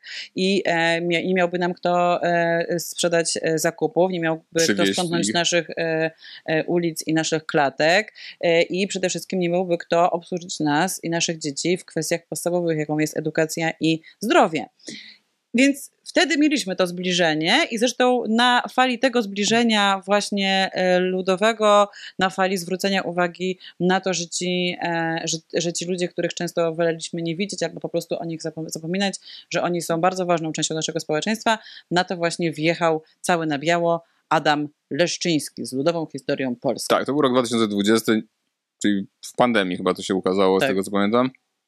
I to też było takie poczucie, no właśnie, że już tyle się już mówiło o tym, ten temat już, ja już go wałkowałem w doktoracie też, e, ja te, te teksty pisałem o tym, że tu żyjemy w feudalizmie, tak, i że właściwie e, no jakby ten temat tego, że Polska jakby jest jakimś, te, relacje między ludźmi, no są relacjami folwarcznymi, są relacjami feudalnymi, e, on się bardzo mocno zaczął przebijać w tej y, publicystyce i w rozmowach i tak dalej. No i właśnie Adam Leszczyński napisał Ludową Historię Polski, która jest y, centralnie no, nawiązaniem do ludowej historii Stanów Zjednoczonych y, Howarda Zina. Napisał taką właśnie historię mm, tysiąclecia państwowości polskiej z perspektywy wyzysku e, chłopów, tak? Czyli no, historii, e, która no, jest historią na pewno prawdziwą i jest na pewno bardzo, bardzo ważną, która faktycznie nie była dość w trzeciej RP, bo w PRL-u jednak trochę z tym było inaczej, ale w trzeciej RP nie było tej historii, było na odwrót, tak? No, myśmy mieli historię zwycięstw. Tak. I jakby też, jak to widziałem, jak pisałem, jak pisałem doktora, znaczy, że y, hi- opowiedzenie historii, nawet Solidarność i zwycięstwo Związku Zawodowego Solidarność jest opisywane przez perspektywę e, koru, czy inteligentów i ewentualnie papieża. Ale to, że robotnicy coś tam robili w 56 roku w Poznaniu, potem w 70 roku coś tam, i że mieli jakiś, że oni też mieli swoją podmiotowość, że też potrafili różne rzeczy zrobić, że potrafili zorganizować strajki, że potrafili zorganizować prasę podziemną i tak dalej, tego w ogóle nie było. I do tej pory w historii Solidarności o tym się bardzo, bardzo, bardzo mało mówi, bo zwycięzcy w 89 roku, kto został zwycięzcą? Inteligencja. Inteligencja, która oczywiście jest spadkobiercą szlachty, tak? Jest, jest spadkobie w tym układzie em, A więc po prostu uprzywilejowana, klasa uprzywilejowana. Tak. Wcześniej byli to sarmaci i szlachcice, e, później byli to e, e, PRL-owcy aparatczycy, a dzisiaj są to mm, inteligenci, Inteligenci. ale o, o tyle jest to ciekawe, jakby wiesz, aparatczycy perelowcy też brali się z awansów, więc na przykład taki Rakowski, który był premierem Polski, on był ze, ze wsi, nie? Mm, nie, no tak, tak. I, jakby, I to, co się wydarzyło po 1989 roku, no to jest jednak e, e, pewnego rodzaju kontrrewolucja, tak? czy, kontr, czy reakcja, tak? No bo jeśli inteligencja bierze się z tego, że ch- szlachta musiała uciec z folwarku, bo folwark przestał funkcjonować w XIX wieku przez to, że chłopi mm, dostali trochę ziemi, przede wszystkim przestali odbrabiać płaszczyznę i ta cała gospodarka oparta na darmowej pracy chłopów się po prostu rozsypała i oni muszą się przeprowadzić do miast, no i co oni mieli? Oni mieli tylko wyższe wykształcenie, oni mieli maniery, oni mieli kapitał kulturowy, kapitał społeczny i na podstawie tego kapitału kulturowego i społecznego budowali dystynkcje. I gdy zabrakło ziemiaństwa, czyli tej najważniejszej klasy w Polsce, tak, arystokracji, która miała ziemię, miała pieniądze i łączyła ten kapitał kulturowy z kapitałem ekonomicznym, no to jedyną klasą, która miała dobre wychowanie, dobre maniery, była dobrze widziana w społeczeństwie, była ta inteligencja, tak? I zresztą dzisiaj, jak oglądamy, na przykład tutaj jest Bareja, tak, y, na przykład są filmy Barei, no to jakby doskonale widać, że jedyny, z kogo Bareja się nie śmieje, tylko z jednej grupy, no z tej inteligencji, nie? Mhm. I że to zawsze jest historia inteligenta, który jest zagubiony wśród chłopów, wśród Czyli, że jest pozytywną postacią. No wiesz, tak przypominam sobie, nie Tak. wiem, na przykład, nie wiem, e, historię e, poszukiwany, poszukiwana, nie? Gdzie jest właśnie ten facet, który tam, wiesz, ten inteligent, który pracuje w muzeum i ciągle jest tutaj, Mhm. gdzieś musi walczyć, nie? Albo jak masz alternatywy 4, no to właściwie on bardzo ciepło myśli o tym społeczeństwie i Bareja w ogóle świetnym y, p- p- postrzega, nie? Ale jakby na szczycie tej drabiny w alternatywach czterech jest ten y, profesor, tak? Jest ten inteligent, który w, gdzieś tam rozumiemy, że walczył w powstaniu, czy, czy no ogólnie też No tak, jest AK, tak. bla, bla, Tak, bla tak. i tak dalej, nie? I trochę, no i też spójrzmy na przykład na trochę od, odchodzimy od głównego tematu, ale ciągle poruszamy się na Wajdę, nie? Wajda robi pierwszy duży, ważny film, to jest Popiół i diament, tak? Czyli właśnie historia pod tytułem, no dobra, może nie ma sensu kontynuować tej romantycznej, inteligenckiej polityki, może warto usiąść i odbudować kraj z ruin, tak? Mhm. Razem z tymi komunistami, Tak. w pozytywistycznym duchu i ogólnie tego, że już nie ma sensu się mordować po lasach i tak dalej, nie?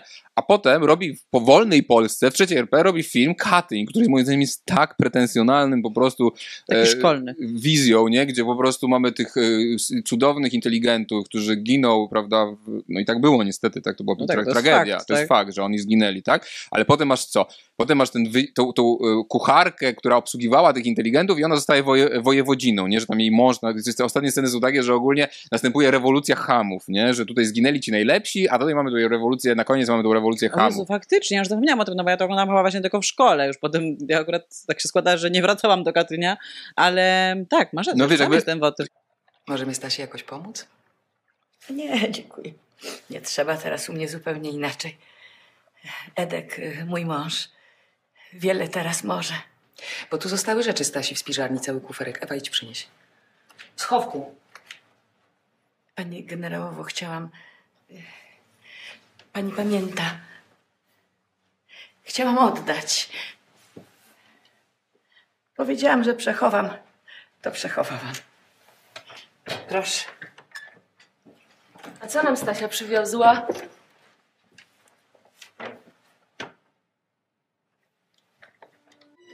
To ja już pójdę. Stasiu, twój kuferek. Nie, nie, nie. To na Czerwony Krzyż trzeba oddać, na biednych. Męża na starostę wyznaczyli do Piotrkowa. No to trzeba jechać.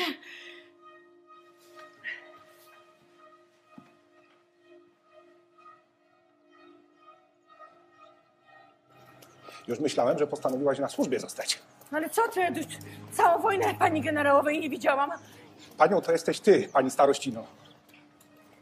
Bardzo proszę, pani starościno. Widać, że Wajta się cofnął w rozwoju, nie? Jakby jeśli chodzi o postrzeganie rzeczywistości. Jest już bliżej, już, już jest bliżej Krystyny Jandy, która Tak. pokazuje, że tam za 500 plus Tak. szczekaj, czy coś tam, jakieś Tak, takie memy tak. wrzucała, prawda? A potem szybko, szybko do, po kole, po, poza kolejką po, po, po szczepionkę, nie? O, tak, to było I, coś. I w ogóle filmy z trzeciej RP, nie? Na przykład y, Rewers, nie? Taki sam, nie? Ubek chłop, morduje, coś tam pr- prześladuje inteligencję, nie wiem. No te wszystkie filmy, nie wiem, Szumowska, też jakieś fantazje inteligenckie na temat, no ogólnie po 89 roku polska kultura upadła i podupadła, bo stała się kulturą, moim zdaniem, właśnie zwycięskich inteligentów, którzy patrzyli na rzeczywistość z punktu widzenia przede wszystkim uzasadnienia ich decyzji, a, decy, a ich decyzją było to, żeby zamienić Polskę w kraj dzikiego kapitalizmu, neoliberalizmu, w którym jakby nie było żadnych... których oni staną się wtedy klasą uprzywilejowaną jeszcze bardziej, a całej reszcie będą sprzedawać nadzieję o tym, że jak tam ta cała reszta będzie na nich ciężko pracować i od nich wynajmować mieszkania, to może kiedyś też dołączy do tego grona. Tak, ale Znaczy, na tym polega to, tak? To Jest tak, mrugnęliśmy, jest 30 lat, jesteśmy właśnie w tym momencie, tak? W którym jakby już nawet, nawet te, te uniwersytety przestały być już właśnie tym, tym miejscem, w którym jeszcze były takimi ostańcami na, na, na szansę na, na awans społeczny, a teraz w zasadzie jest tak, że już jak się dobrze urodzisz i będziesz miał jakiś kapitał wyjściowy, to będziesz mieć bardzo dobrze i zaraz będziesz jeszcze pomnażać ten kapitał, a jeżeli wychodzisz z sytuacji, z której tego kapitału masz mało, albo nie masz go wcale, no to pozostaje ci liczenie na to, że że otoczy, otoczą cię ludzie, którzy nie będą ci bardzo, nie wiem, podwyższać czynszu, którzy nie będą cię źle traktować w pracy i tak dalej, i tak dalej, nie? No tak, znaczy to jest e, powrót po prostu do, do, do, do, do, do, do, do tych czasów przed II wojny światowej, tak? No to jak to, co widzimy na przykład w mieszkaniówce, nie? Ale wracając do tego Leszczyńskiego i też jakby, że Leszczyński robi to, to i on też bardzo ostro tutaj prowadzi, tak? Że to byli niewolnicy de facto chłopi. Jakby, I to jest dla mnie też, że, to nie jest prawda. Znaczy to, jednak status niewolnika czarnego w Stanach Zjednoczonych czy w koloniach brytyjskich był jednak odmiennie różny od statusu chłopa pańszczyźnianego, mimo że był naprawdę też nie, nie do pozazdroszczenia, tak? I było to okropne i prze, przejmujące, tak? Ale co ciekawe, bo to, co mi się obudziło, dlaczego Leszczyński pisze taką książkę, tak? I on, co ciekawe, kończy tą narrację na 89 roku. On już nie opisuje transformacji, tego, co się wydarzyło. To też by było bardzo ciekawe z punktu widzenia przecież y, tych właśnie zależności, tak? Ale to chyba nie jest przypadek właśnie, że on kończy na tym 89 roku, bo ja pamiętam Leszczyńskiego i pamiętam, ja zawsze pamiętam się, czemu on o tym pisze? Przecież to jest facet, który w mojej kampanii wyborczej, przepraszam, jestem egocentrykiem teraz, ale to jest dość istotny fakt, on poddał krytyce projekt budowy mieszkalnictwa publicznego, który myśmy mieli. Myśmy mieli problem, pro, projekt taki, że będziemy budow- wybudujemy 30 tysięcy mieszkań komunalnych. Znaczy, to nie były do końca komunalne, bo one miały tam mieć trochę wyższy czynsz. E, Na trochę- tani wynajem. Tak? na tani wynajem. Tam mieliśmy taki projekt, to się wszystko składało. 48 m2, 1400 zł miał być wynosić ten czynsz e, za dwupokojowe mieszkanie. E, ogólnie. Nawet były wizualizacje chyba tych mieszkań. Tak, tak, bardzo płakać, jak o tym myślę. No i tenże Leszczyński po prostu napisał jakiś taki paszkwil na mnie wtedy, że to jest ogólny skandal, że obrzydliwe to jest. Jakby, ja nie rozumiem, typie, ty jesteś niby lewicowym historykiem, coś tam socjologiem i ty walisz program publiczny. I to nie był przypadek przy pracy, bo on zrobił dokładnie taką samą akcję w ostatnich e, e, wyborach, gdzie no, zrobił taki wywiad cały, w którym też były ogromne jego własne pasusy o tym, że nie, że budownictwo społeczne i te pomysły lewicy na budownictwo nie, kto to widział, panią i to wszystko kradli i tak dalej, nie? Tak, I- jest to? Ekonomista? Lewicowy znaczy, on program? zrobił wywiad z, pod tytułem tak, że właśnie lewicowy program budowy tanich mieszkań na wynajem jest bez sensu i się nie uda. I można myśleć, że to jest wywiad, ale on popiera te tezy, tak? Jakby w tym wywiadzie bardzo mocno popiera e, te tezy, co jest No właśnie, dziwne. był lewicowcem takim z prawdziwych z krwi i kości, to powinien tego ekonomistę kontrować i jak jeżeli ten ono- ekonomista by gadał takie głupoty, to by po prostu powinien pocisnąć go, że wiesz, jakby najśmieszniejsze było to, że e, były takie tweety, które pewnie nie odbiegają daleko od prawdy, czyli że oni we dwóch siedzieli i pewnie komentowali na temat tego mieszkania, mieszkalnictwa po prostu, że się nie uda to mieszkalnictwo państwowe, siedząc pewnie sami w takim mieszkaniu, które jest wybudowane No tak, no państwo, to nie jest tak? tam tajemnica, że Leszczyński żyje też z wynajmu mieszkań i też zdaje się, że część tych mieszkań chyba została wybudowana w, w PRL-u i zresztą chyba sam też jest e, Adam Leszczyński, nie wiem, Adamie, jeśli oglądasz, to powiedz nam, jak to dokładnie było, ale wydaje się, że też jest jakby e, beneficjentem tego awansu PRL-owskiego, e, jego rodzina, czy przynajmniej część jego e, e, rodziny, więc e, więc dlaczego człowiek, który ma tak liberalne czy neoliberalne podejście do polityki mieszkaniowej, która jest kluczowa z punktu widzenia socjaldemokratycznego projektu i socjalistycznego projektu i w ogóle Oczywiście. awansu ludu, I to akurat PRL on coś takiego pisze, nie? No i, y, i, i, i tu się pojawiła mi pierwsza, pierwsza, e, pierwsza lampka. I druga lampka mi się pojawiła przy wypowiedziach Ledera, bo Leder po prostu, ten autor tej drugiej książki, tej ważnej dla właśnie tego zwrotu ludo, ludowego, on powiadał po prostu takie bzdury, PiS jest krwią z krwi i kością z kości swojego elektoratu, łącznie ze złodziejstwem, nachalstwem, nepotyzmem i załatwianiem wszystkiego swojakom. O Jezus, o Boże. Szeroka akceptacja polityki zagranicznej PiS pokazuje, że tupanie nogą i walenie pięścią jest widziane jako demonstracja własnej godności. Dlatego tylu Polaków lubi to, że Zjednoczona Prawica kłóci się ze wszystkim dookoła. Agresja i konflikt są ludową formą obrony godności. PiS to wyczuwa, bo do tej kultury należy. Ojej, ta rozwścieczona tłuszcza. Innymi słowy, ta rozwścieczona ludowa tłuszcza. Ona jest nauczona tego, że jak tupnie nogą i zrobi zamarachę, to dostanie to, czego chce. No nie, no wiesz, po prostu człowieku, czy ty właśnie napisałeś jakieś książki na temat tego, jak ten lud jest w ogóle miał przejebane i ogólnie był... y, Co by Lakan powiedział na ten temat? No nie no, więc jakby to są po prostu goście, którzy piszą jakieś książki, a potem wykorzystują po- pozycję, którą zdobyli dzięki tym książkom, żeby przypadkiem ci z ludu dostali tam na dole, tak? W sensie, żeby się nie, nie, nie, nie awansowali. A nie? jednocześnie, żeby salon, y, prawda, wytworzony y, salonik y, liberalny, neoliberalny był zadowolony. Tak, żeby... Żeby, ni- żeby ktoś nikt się źle nie poczuł. No bo ktoś musi opowiedzieć lipkom i li- liberalnej inteligencji, co się wydarzyło i to nie w taki sposób właśnie, który jednak my to odrzucamy już tak na zasadzie, że ten y, pijany motłoch po prostu zagłosował na, e, na PiS, tylko jakoś to opowiedzieć tą rewolucję ludową, którą jednak Prawo i Sprawiedliwość dokonało na poziomie finansowym i na poziomie też na, poziomie finansowym, ale też na poziomie po prostu jakimś tam symbolicznym, tak, dowartościowując, bo się to mogło nie podobać, to mogło, można mówić, że to nie jest żadne dowartościowanie, puszczanie Zenka, tak, w e, non-stop w telewizji, czy jakieś, nie wiem, inne rzeczy, a czy występowanie, nie wiem, Kaczyńskiego cały czas w, w, na jakichś dożynkach, gdzie są ludzie, biegają w strojach e, łowickich i tak dalej, okej, ale gdzieś tam jakieś dowartościowanie tego ludu, e, e, ludu, nazwijmy to szeroko rozumianego, nastąpiło. Mamy kontrreakcję ze strony elit li, liberalnych, która jakby z jednej strony mówią, nie, to jest jakieś, totalne bzdury, to są ludzie, Wolimy którzy... czekoladowego orła. Tak, kupili, kupili, kupili ich za 500 plus i są ci trochę bardziej oświeceni, którzy to tłumaczą. Ale też te tłumaczenia są, w mojej ocenie, no właśnie zawierają już odpowiedź, dlaczego oni się tym też, też zajmują, poza tym, że muszą po prostu jakoś znająć, znająć język na No to to wszystko. koniunktura, rozumiem trochę, tak idzie w tą stronę. No nie? tak. No i mamy kolejne tutaj publikacje od tego czasu. y, mamy między innymi tutaj y, całą w ogóle historię, y, ludową historię Polski, w ogóle cała, cała tutaj jest y, wielka seria. Ja tutaj akurat mam y, y, książkę o, przy- na- o Śląsku, e, autorstwa e, Dariusza Zalegi, ale też był właśnie Bękarty e, Pańszczyzny, Śladami Szeli. E, To, to są niezłe wszystko książki bardzo, tak? E, które, które opisują historię, e, historię po- Polski, lud, polskiego ludu.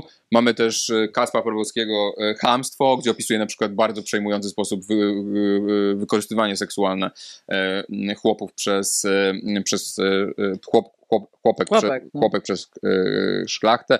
No i mamy też bardzo popularną książkę Kamila Janickiego, Pańszczyzna, która też, też jednoznacznie mówi, że to było niewolnictwo.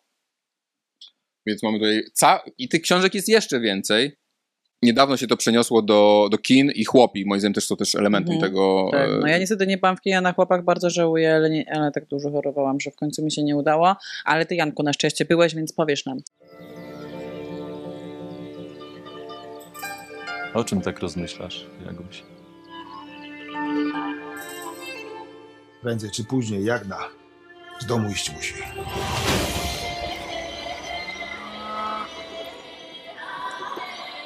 Znaczy, wiesz, ja czytałem chłopów gdzieś tam w gimnazjum. No na pewno, to jest lektura szkolna, tak? Tak, więc jakby nie pamiętam specjalnie dokładnie, ale ja po prostu zobaczyłem to i poczułem taką ulgę oglądając to, że wreszcie ktoś mówi o naszych, e, na, nasz samych, nie z perspektywy właśnie tylko i wyłącznie e, poniżenia, wyzysku i przede wszystkim to, co mnie uderza w tych e, książkach, które są bardzo dobre często, to, co mnie uderza w tych książkach, które mimo wszystko są e, bardzo dobre i bardzo dobrze one powstają i tak dalej, to jest właśnie takie odbieranie tym chłopom sprawczości, tak, że bardzo często to są po prostu niewolnicy, zastygłe kamienie, które tym, po prostu tymi nachajkami były bite i w ogóle nic od nich nie zależało i nie miały żadnego wolnego wyboru i tak dalej. I oczywiście na pewno były miejsca i momenty w historii, kiedy było bardzo źle. Pewnie im bardziej na wschód, tym gorzej, tak, wiemy, że ten, no, ta, ta przemoc wobec chłopów na, na ziemiach ukraińskich e, była dużo większa na przykład niż na zachodzie Polski, tak, nie wiem, w jakiejś Wielkopolsce czy, czy, czy, czy, czy Małopolsce, tak.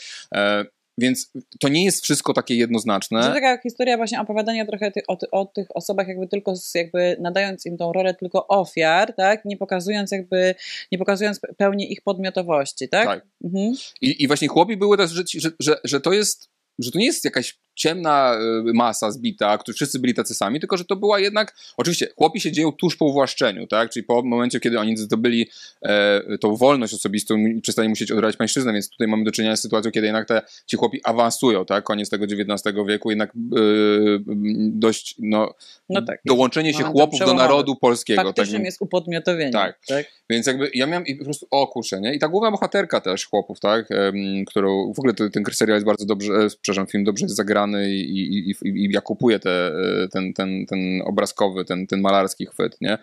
I, I że jakby ona podejmuje swoje decyzje i ona może podjąć takie decyzje, może tamte podjąć, wije się, nie, nie wie do końca czego chce, jest super młoda, tak? Ale jakby to nie jest sytuacja e, taka, że tutaj mamy do czynienia, nie wiem, ani to nie jest feministka, ani to nie jest niewolniczka, tak? No tak, jakby, tak.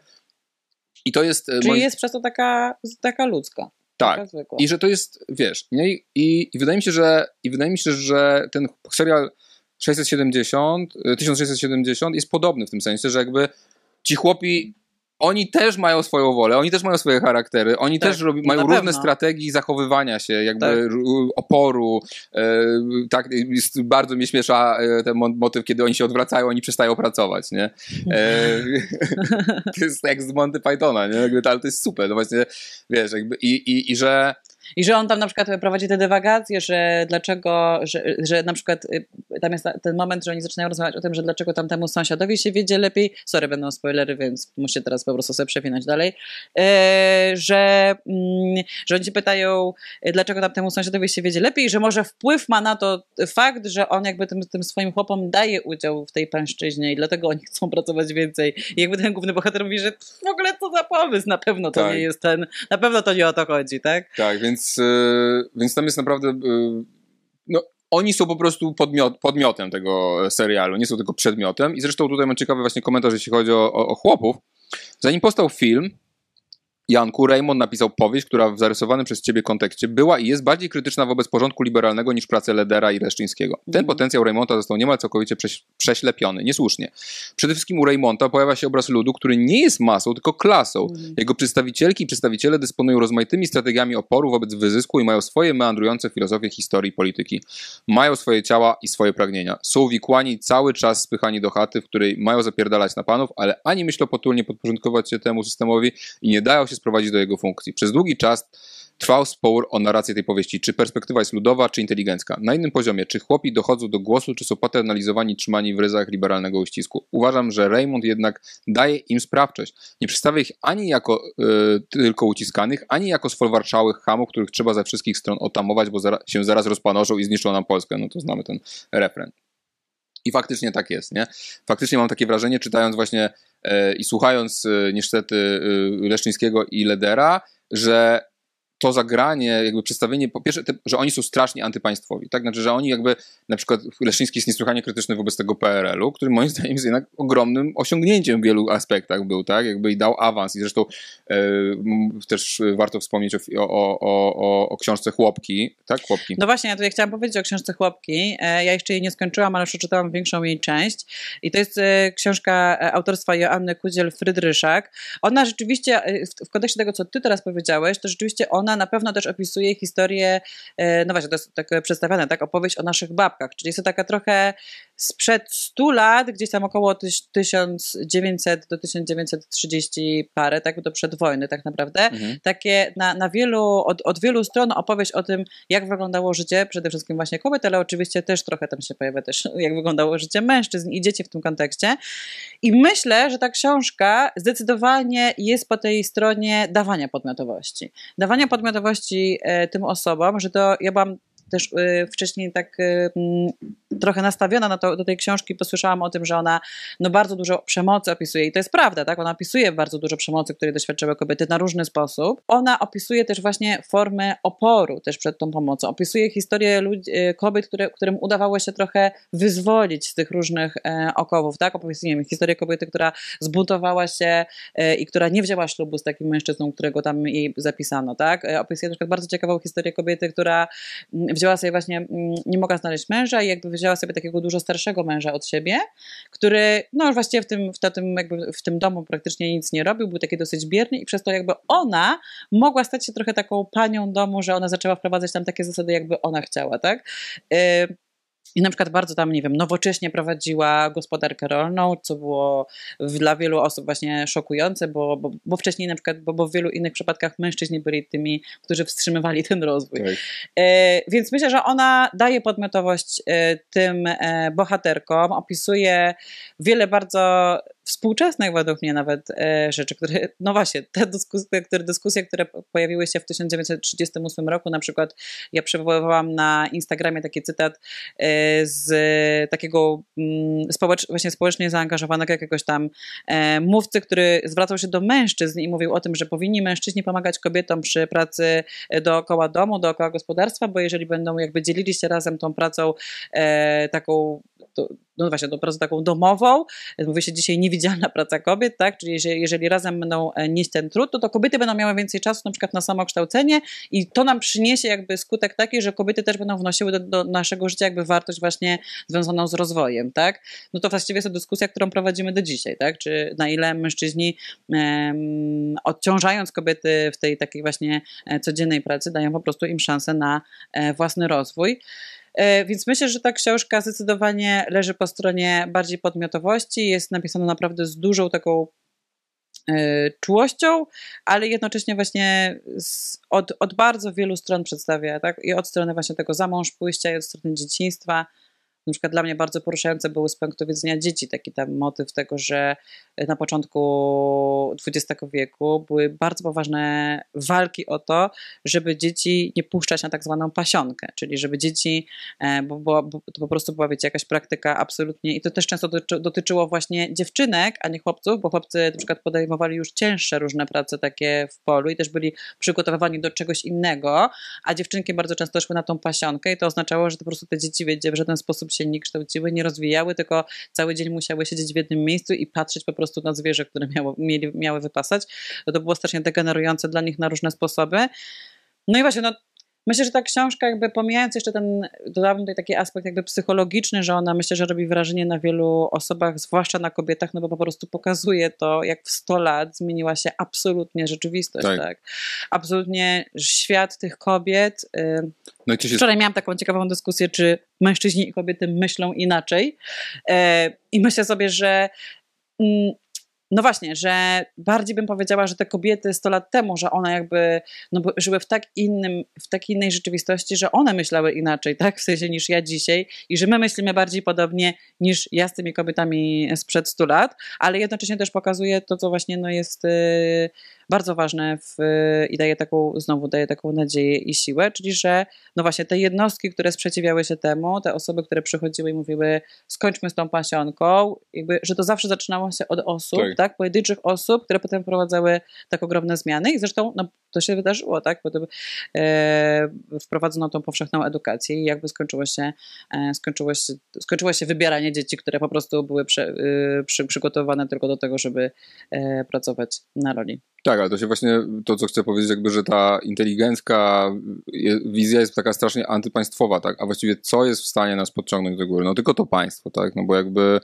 i tylko dzięki, za pomocą regulacji, No mobilizacji ludzi jesteśmy w stanie, nie wiem, właśnie wybudować te akademiki, dać ludziom e, szkoły publiczne, e, zakazać e, pracy dzieci itp. itd., nie? Ale czy według mnie to I- jasno wynika z tej książki, tak? Że jakby zawsze na początku jakichś zmian cywilizacyjnych, które są opisywane, tak? Że tam jakby się pojawia ten motyw, że właściwie w każdym tym aspekcie życiowym e, się pojawiają te zmiany cywilizacyjne, które potem przerywa wojna, ale potem one jakby się dalej będą toczyły, tak? Po wojnie.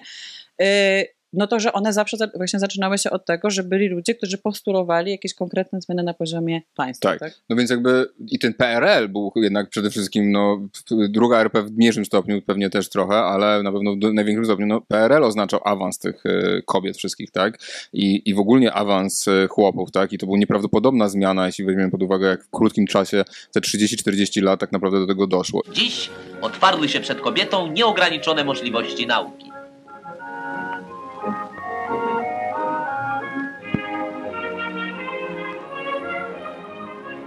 Dziś uczą się nawet najstarsze, pragnąc przekreślić ciemnotę wielu bezpowrotnie minionych lat.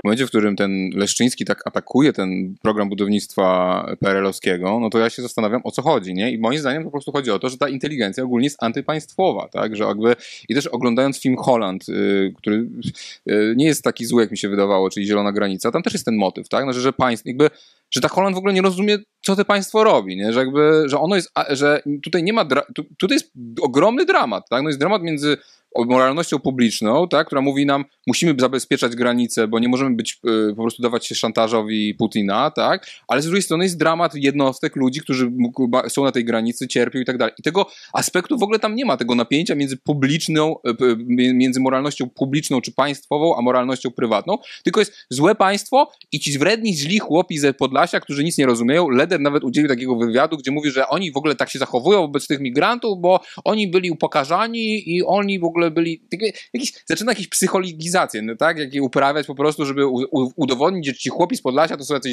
źli, nie?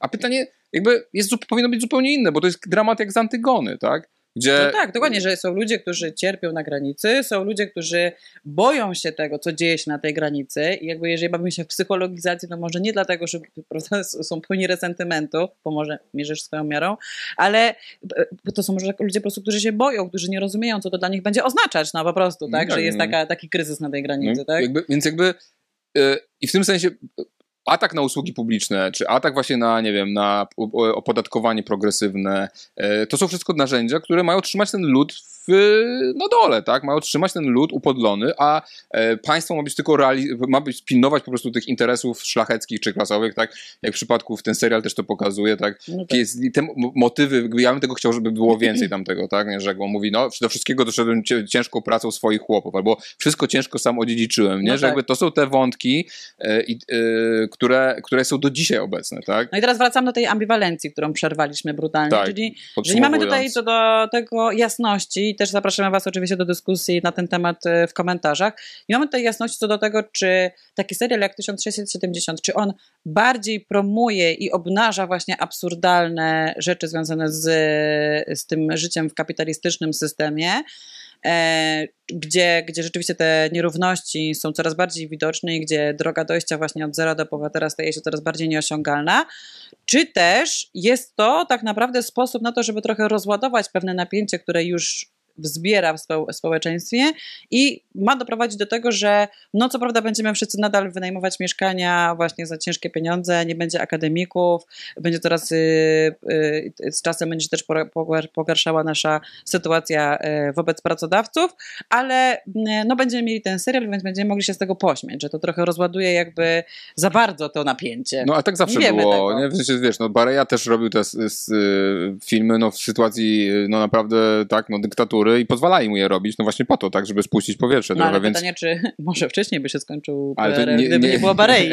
No tak, ale to jest raczej... Nie wiemy tego. Wydaje się, że jakby y, one są, y, że ten serial jest y, zaskakująco polityczny i opowiada No o tak. nierównościach, No tak? tak. Jakby czego ta, i opowiada w tych nierównościach w jakiś sposób bardziej e, zagmatwany niż na właśnie budując taką prostą dychotomię e, szlachcic, nie, e, pan, biały pan, chłop, czarny niewolnik, tak? Bo jakby to, co idzie też, ma być premiera Kosa też filmu o Kościuszce, tak? Gdzie jest już to no, jeden do jednego postawione. Kimś pan Domingo Boston, przedstawiciel przemysłu cukrowego z Ameryki We're gonna f***ing die tonight.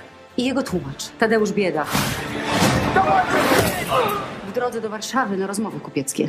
W wielkim niebezpieczeństwie muszą tłumacze być, co tacy dozbrojeni.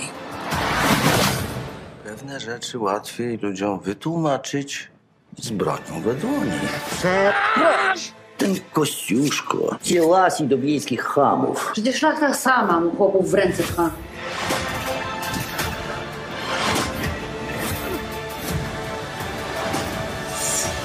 To i wielu, w tym Kościuszce, nadziei wypatruje. Co rozumiem, praktycznie zżyna z Django, tak? Ma być podobno zżyna z Django, tak. Ja, ja nie, Szkoda. nie, zobaczymy. No, jak będzie dobra zżyna, Znaczy, to, no tak, to nie, nie tak, to Więc jakby w tym sensie ten, ten, ten serial mi, mi, się, mi się podoba, tak? Jakby i on jest polityczny, Tak, on też. mówi o nierównościach i on pozostawia jakąś możliwość jakiejś tam zmiany i awansu i, i, i, i, i to jest, i to jest myślę super ciekawe. Pytanie, czy będzie, będzie dalsza, e, e, dalsza kontynuacja. Oczywiście to wciąż jest e, system neoliberalny, kapitalizm. No, to, tak, make life harder to jest taki przykład tego, tak? No, że Mhm. jakby on ma on asymiluje krytykę, przyjmuje tą krytykę, tak, o No jak tak. ciężka praca, no mam w pracy jak w folwarku, no ale w piątek będzie piątunio, na, na, najebiemy się i wszystko będzie okej, nie? I Make Life Harder to jest właśnie taki odpolityczniacz zjawisk, tak? Tutaj zbiórka na kotki, tutaj woźb, zamiast, pod, nie podwyższajmy podatków dla tych bogatych i nie opodatkujmy rentierów, tylko właśnie e, zanurzmy się w memy i w w e, prywatną filantropię, nie? No i tu są takie dwie drogi, no albo, to, albo ten serial pójdzie dro, drogą jednak bardziej Odbiór tego serialu, e, tak? Barei uspołeczniania, s- e, nie uspołeczniania, tylko bardziej współczesny się będzie jeszcze robił, tak? Jeszcze będzie, Uwspółcześniania. jeszcze będzie więcej mówił jakby o tych e, Januszach biznesu, o No tych tak. metodach trzymania nas. Ja dzisiaj wrzuciłem na Instagrama, tak? Znowu narzekanie e, e, dziennikarzy, że będzie wyższa płaca minimalna i ludziom się odechce pracować od tego, nie? To Nie, to jakby... jest niesamowite, że po prostu można takiego co było dzisiaj No nie, no, ale to, jest, to, to działa, tak? Jakby ja, ja wrzucam to na, inst, e, na Twittera i tam no, i od razu jest chór ludzi, którzy tego broni, nie? Bo to jest najsabawniejsze jest w tym, że tej pańszczyzny dzisiaj bronią ci chłopi pańszczyźniani, nie? No tak. Bardzo często, tak? Jakby i to, sumie tam chyba nie było, kurczę, takiej postaci, a to by była ciekawa postać. Czyli ciekawa postać takiego chłopa, który by był absolutnie za tym, żeby, że ten szlachcic w ogóle jest Tak. super i że właśnie Tak. tak, powinno być. tak, tak, jest tak. git. To, to powinien być prowadzone do Powinien drugiego być. sezonu. Tak, tak, tak. bo Zapraszamy jakby- do tego. Przecież, ci, bo, bo, ci, przecież ten szlachcic sam sobie odejmuje z własnego No dokładnie. stołu. No, po nie, że to będzie skapywać. Tak. O, powinno być skapywanie. A nie wiem, czy mnie. skapywanie, nie wiem, czy nie, Nie było wiem, coś czy tam o, o, coś o, o łodziach, które przynosi, podnosi. No nie wiem. No nie, ale według mnie jakby element tego, że jeżeli